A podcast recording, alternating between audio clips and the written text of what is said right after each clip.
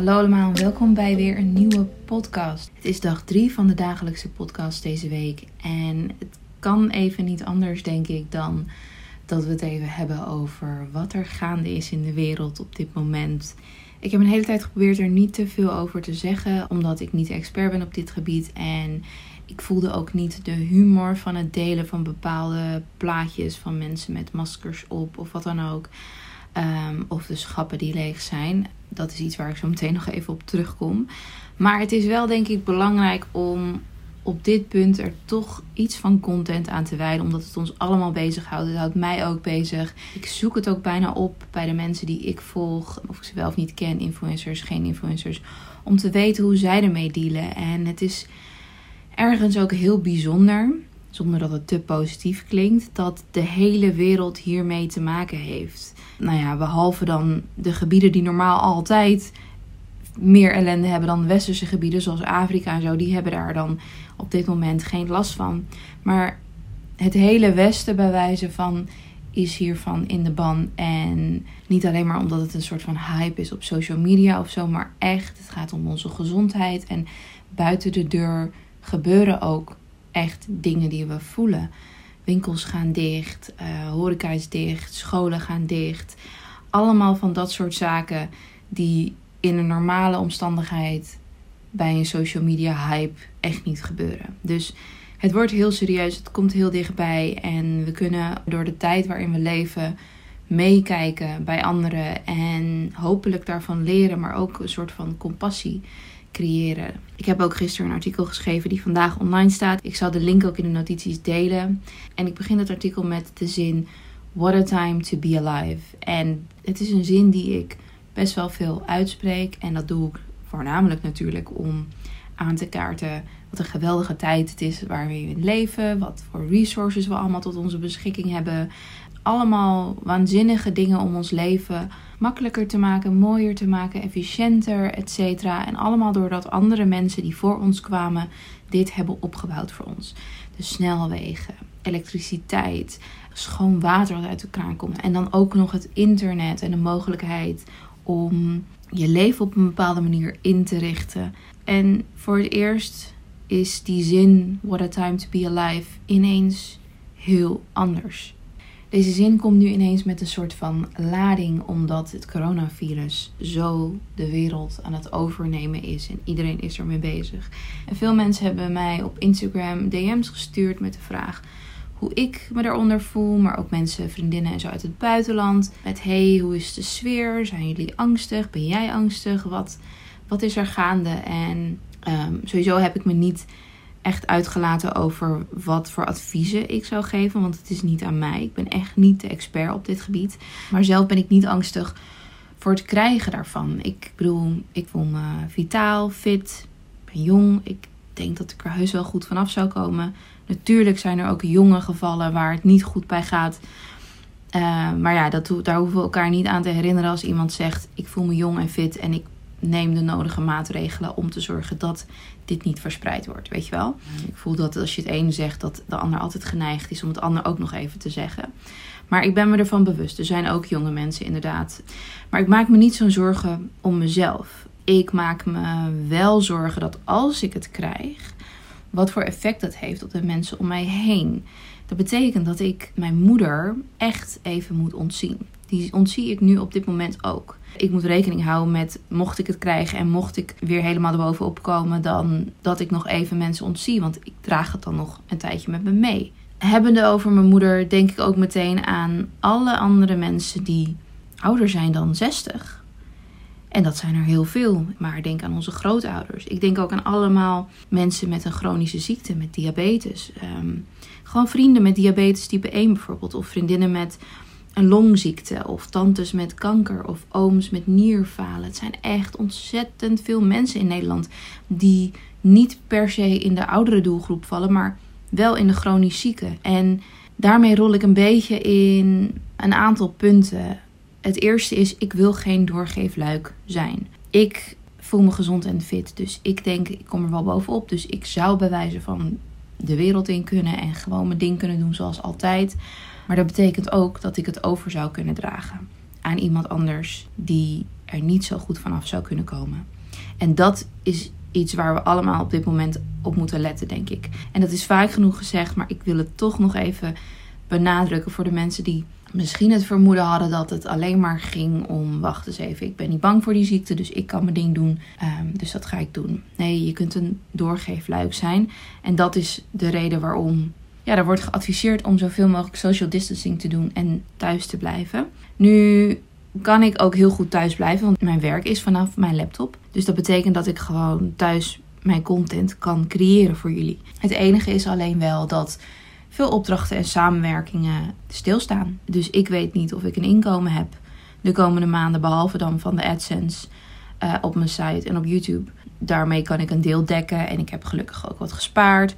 Maar het zijn wel enge tijden en ik denk dan ook aan andere mensen die een bedrijf hebben die volledig afhankelijk zijn van wat er elke dag binnenkomt, elke week binnenkomt, elke twee weken, elke drie weken. Laat staan dat als het twee weken helemaal gesloten is, hoe zij dan daar bovenop komen. Er zijn bedrijven die daar ook echt niet bovenop gaan komen, omdat je personeel wel doorbetaald moet worden. Dus ben jij in loondienst op dit moment en voel dan ook misschien de, de dankbaarheid dat jij in dat opzicht veilig zit, dat je je salaris in de meeste gevallen gewoon krijgt. En ook wil ik graag wat zeggen over het hamsteren van mensen. En niet wat je misschien denkt dat ik ga zeggen.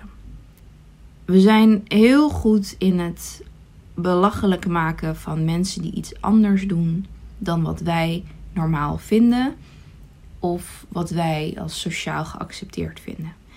En natuurlijk, laat ik vooropstellen, ik vind het ook belachelijk dat er ruzies ontstaan in de supermarkt, dat mensen veel meer inslaan dan ze nodig hebben. Dat mensen egoïstisch worden en gierig worden met alles wat ze ook bij zich dragen.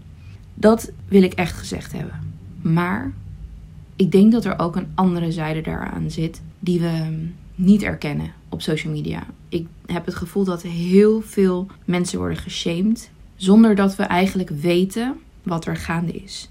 We denken meteen dat iemand egoïstisch is. En ik vind dat geen samenhorigheid tonen. Ik vind dat de mensen die zeggen dat er nu samenhorigheid moet zijn, maar ondertussen een ander shamen, zelf ook niet bezig zijn om die samenhorigheid te creëren. En ik voel dat ontzettend sterk, omdat er zijn mensen die voor andere boodschappen moeten doen. Er zijn mensen die zich kunnen permitteren om twee, drie, vier weken thuis te blijven. En die hebben besloten om maar één keer naar de supermarkt te gaan. En dat allemaal in een boodschappenkar te doen. En dan de komende weken niet het huis uit te gaan. We zijn die mensen aan het shamen omdat zij meer halen dan nodig is. En we blijven zeggen: de supermarkten blijven open, er is genoeg voor iedereen. Maar als deze mensen vijf, zes keer naar de supermarkt moeten gaan, ten opzichte van één keer, geven ze zichzelf vijf, zes keer bloot aan eventueel een doorgeefluik zijn. En dat is wat voornamelijk voorkomen dient te worden. En ik snap wel dat je niet door de lucht ziek wordt. Maar als je thuis kan blijven, dan snap ik natuurlijk ook dat je wat meer boodschappen doet dan nodig is. Maar om nou iemand te shamen die 2 à 3 zakken wc-rollen koopt, of die misschien zes blikken bonen koopt, of wat dan ook, in plaats van één. Ik vind dat wel een beetje te ver gaan. En ik zie alleen maar foto's voorbij komen van de lege. Ik zie alleen maar mensen foto's maken van de lege. Zonder eigenlijk context. We weten niet wat er gaande is. Ik weet ook niet precies wat er gaande is. Maar misschien is er ook een deel die boodschappen doet voor een ander. Die besluit om thuis te blijven en meer in te kopen. Ik weet het niet. En jij weet het waarschijnlijk ook niet. Maar om nou meteen van het slechtste uit te gaan, vind ik niet de manier om een samenhorig gevoel te creëren. En helemaal niet in deze tijd. Ik heb het gevoel dat door shamen er verzwijging ontstaat. Of dat iemand misschien acht keer naar de supermarkt gaat en steeds een beetje meer koopt dan in één keer gewoon genoeg. Meer dan genoeg. En zichzelf hierdoor acht keer blootstelt aan eventueel doorgeefluik zijn. Dat is mijn visie erop. En ik begrijp dat het niet een populaire visie is. Ik begrijp dat heel veel mensen eigenlijk de andere kant vooral benadrukken. Maar ik, ik weet niet waarom ik dat dan voel voor deze kant. En ik vind het verschrikkelijk om een plaatje te zien van een, een oma die bij het toiletpapierschap staat waar alles leeg is. Dat vind ik ook verschrikkelijk. Dat is niet wat ik aanmoedig. Dat is niet wat ik zeg. Ik probeer voornamelijk bewustwording te creëren rondom dat we geen context hebben waarbinnen iemand meer boodschappen haalt dan dat jij oké vindt. En het is heel makkelijk om met de massa mee te gaan qua mening van hé, hey, shame on you dat je zoveel boodschappen haalt. Dus we weten de context niet. En het zou veel beter zijn om deze mensen in te lichten. Want misschien zijn deze mensen wel bang. Misschien is angst wel hun drijfveer. En dat is ook verschrikkelijk. En daar kunnen we ook gehoor aan geven. We kunnen in gesprek gaan met iemand. Het kost net zoveel energie om even een gesprek aan te gaan met iemand. Dan boos te worden van binnen. Een foto te maken, het te posten of misschien zelfs ruzie te maken. Het is allemaal onnodige negatieve energie. In plaats van dat we even naar elkaar zouden kunnen luisteren en elkaar standpunt kunnen uitleggen. Misschien is die persoon bang. Haalt die persoon tien zakken wc-papier omdat die persoon bang is dat er niks overblijft, omdat iedereen aan het hamsteren is. Misschien is deze persoon überhaupt bang en raakt verstrengeld in paniekerig gedrag, wat niet te verklaren is. We weten niet wat er in iemand speelt, wat de context is van iemand die heel veel boodschappen haalt. En ik vind niet dat we zo boos moeten worden op deze mensen, maar eerder een gehoor kunnen geven aan wat is er aan de hand? Waarom ben je angstig? Eh, is dit voor jezelf? Is dit voor een ander? Weet je wel dat dit niet per se nodig is? Maar goed, ik heb niet een directe oplossing voor dit alles. Maar ik wilde toch wel graag mijn visie op deze manier delen, omdat ik het gevoel heb dat er überhaupt geen gehoor gegeven wordt aan de angst die mensen misschien kunnen hebben, waardoor ze doorslaan in dit gedrag.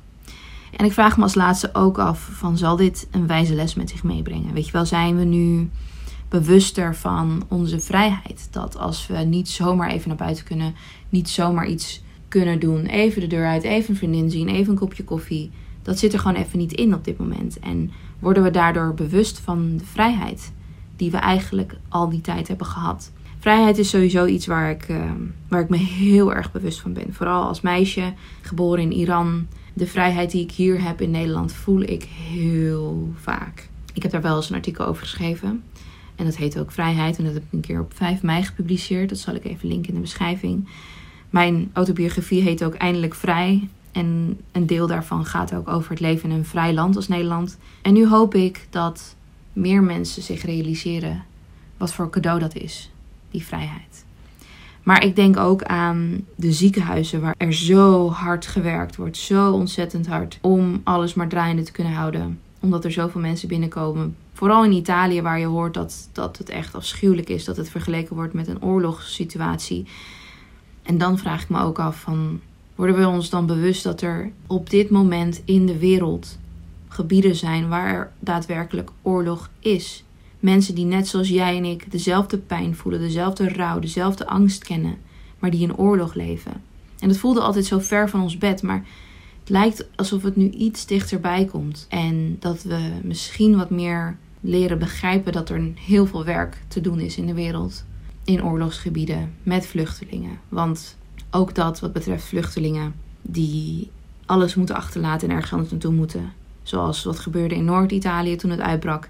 Mensen die hoorden dat Noord-Italië dichtging, um, binnen 24 uur alles hebben gepakt wat ze konden pakken, de rest hebben achtergelaten en naar het zuiden zijn vertrokken. Doet je dat niet denken, vraag ik me dan af. Hoe dat dan moet zijn voor vluchtelingen. Mensen die niet weten of ze überhaupt ooit nog teruggaan, die in een bootje moeten stappen en gevaar voor eigen leven. Ja, er zijn zoveel gedachten die door me heen gaan. En ik wil deze podcast niet te zwaar maken, maar ik wil wel heel graag er iets over gezegd hebben. En Weet je, wie weet verandert mijn visie wel uh, na een paar dagen of wat dan ook. Maar op dit moment zit ik in ieder geval in quarantaine thuis. Ik ga mijn best doen om zoveel mogelijk content te creëren voor jullie. Voor wat afleiding, mocht je ook thuis zitten. Ik ga eigenlijk alleen maar naar buiten om eventueel boodschappen te doen. Boodschappen voor mijn moeder te doen. Of uh, misschien een wandeling door het Vondelpark. Ik weet het niet. Ik moet het nog even aanzien. Het gaat in ieder geval om dat ik geen contact heb met andere mensen. Niet met mijn moeder, niet met mijn schoonfamilie en de kids. En uh, wat heel jammer is, want ik mis ze. Ik was net, terug vanuit uh, New York en Vermont. Net op tijd trouwens. En uh, ik had heel veel zin om iedereen weer te zien. Maar dat wordt nog even uitgerekt. Goed, ik sluit bij deze de podcast af. Bedankt voor het luisteren. Ik ben altijd heel erg benieuwd waar jullie de podcast luisteren. Als je aan het wandelen bent of je zit uh, op de bank of je moet naar je werk. Het zijn mensen die echt door moeten werken in deze tijd. Mocht je een foto willen delen van waar je luistert, Tag me dan even op Instagram als je het op Instagram deelt. Ik ben echt ontzettend benieuwd. En ehm, je mag ook je mening delen. Je mag ook uh, het oneens zijn met mij. Daar heeft iedereen het recht toe. Dus ik ben heel benieuwd. Bedankt voor het luisteren allemaal. En tot morgen voor weer een nieuwe podcast.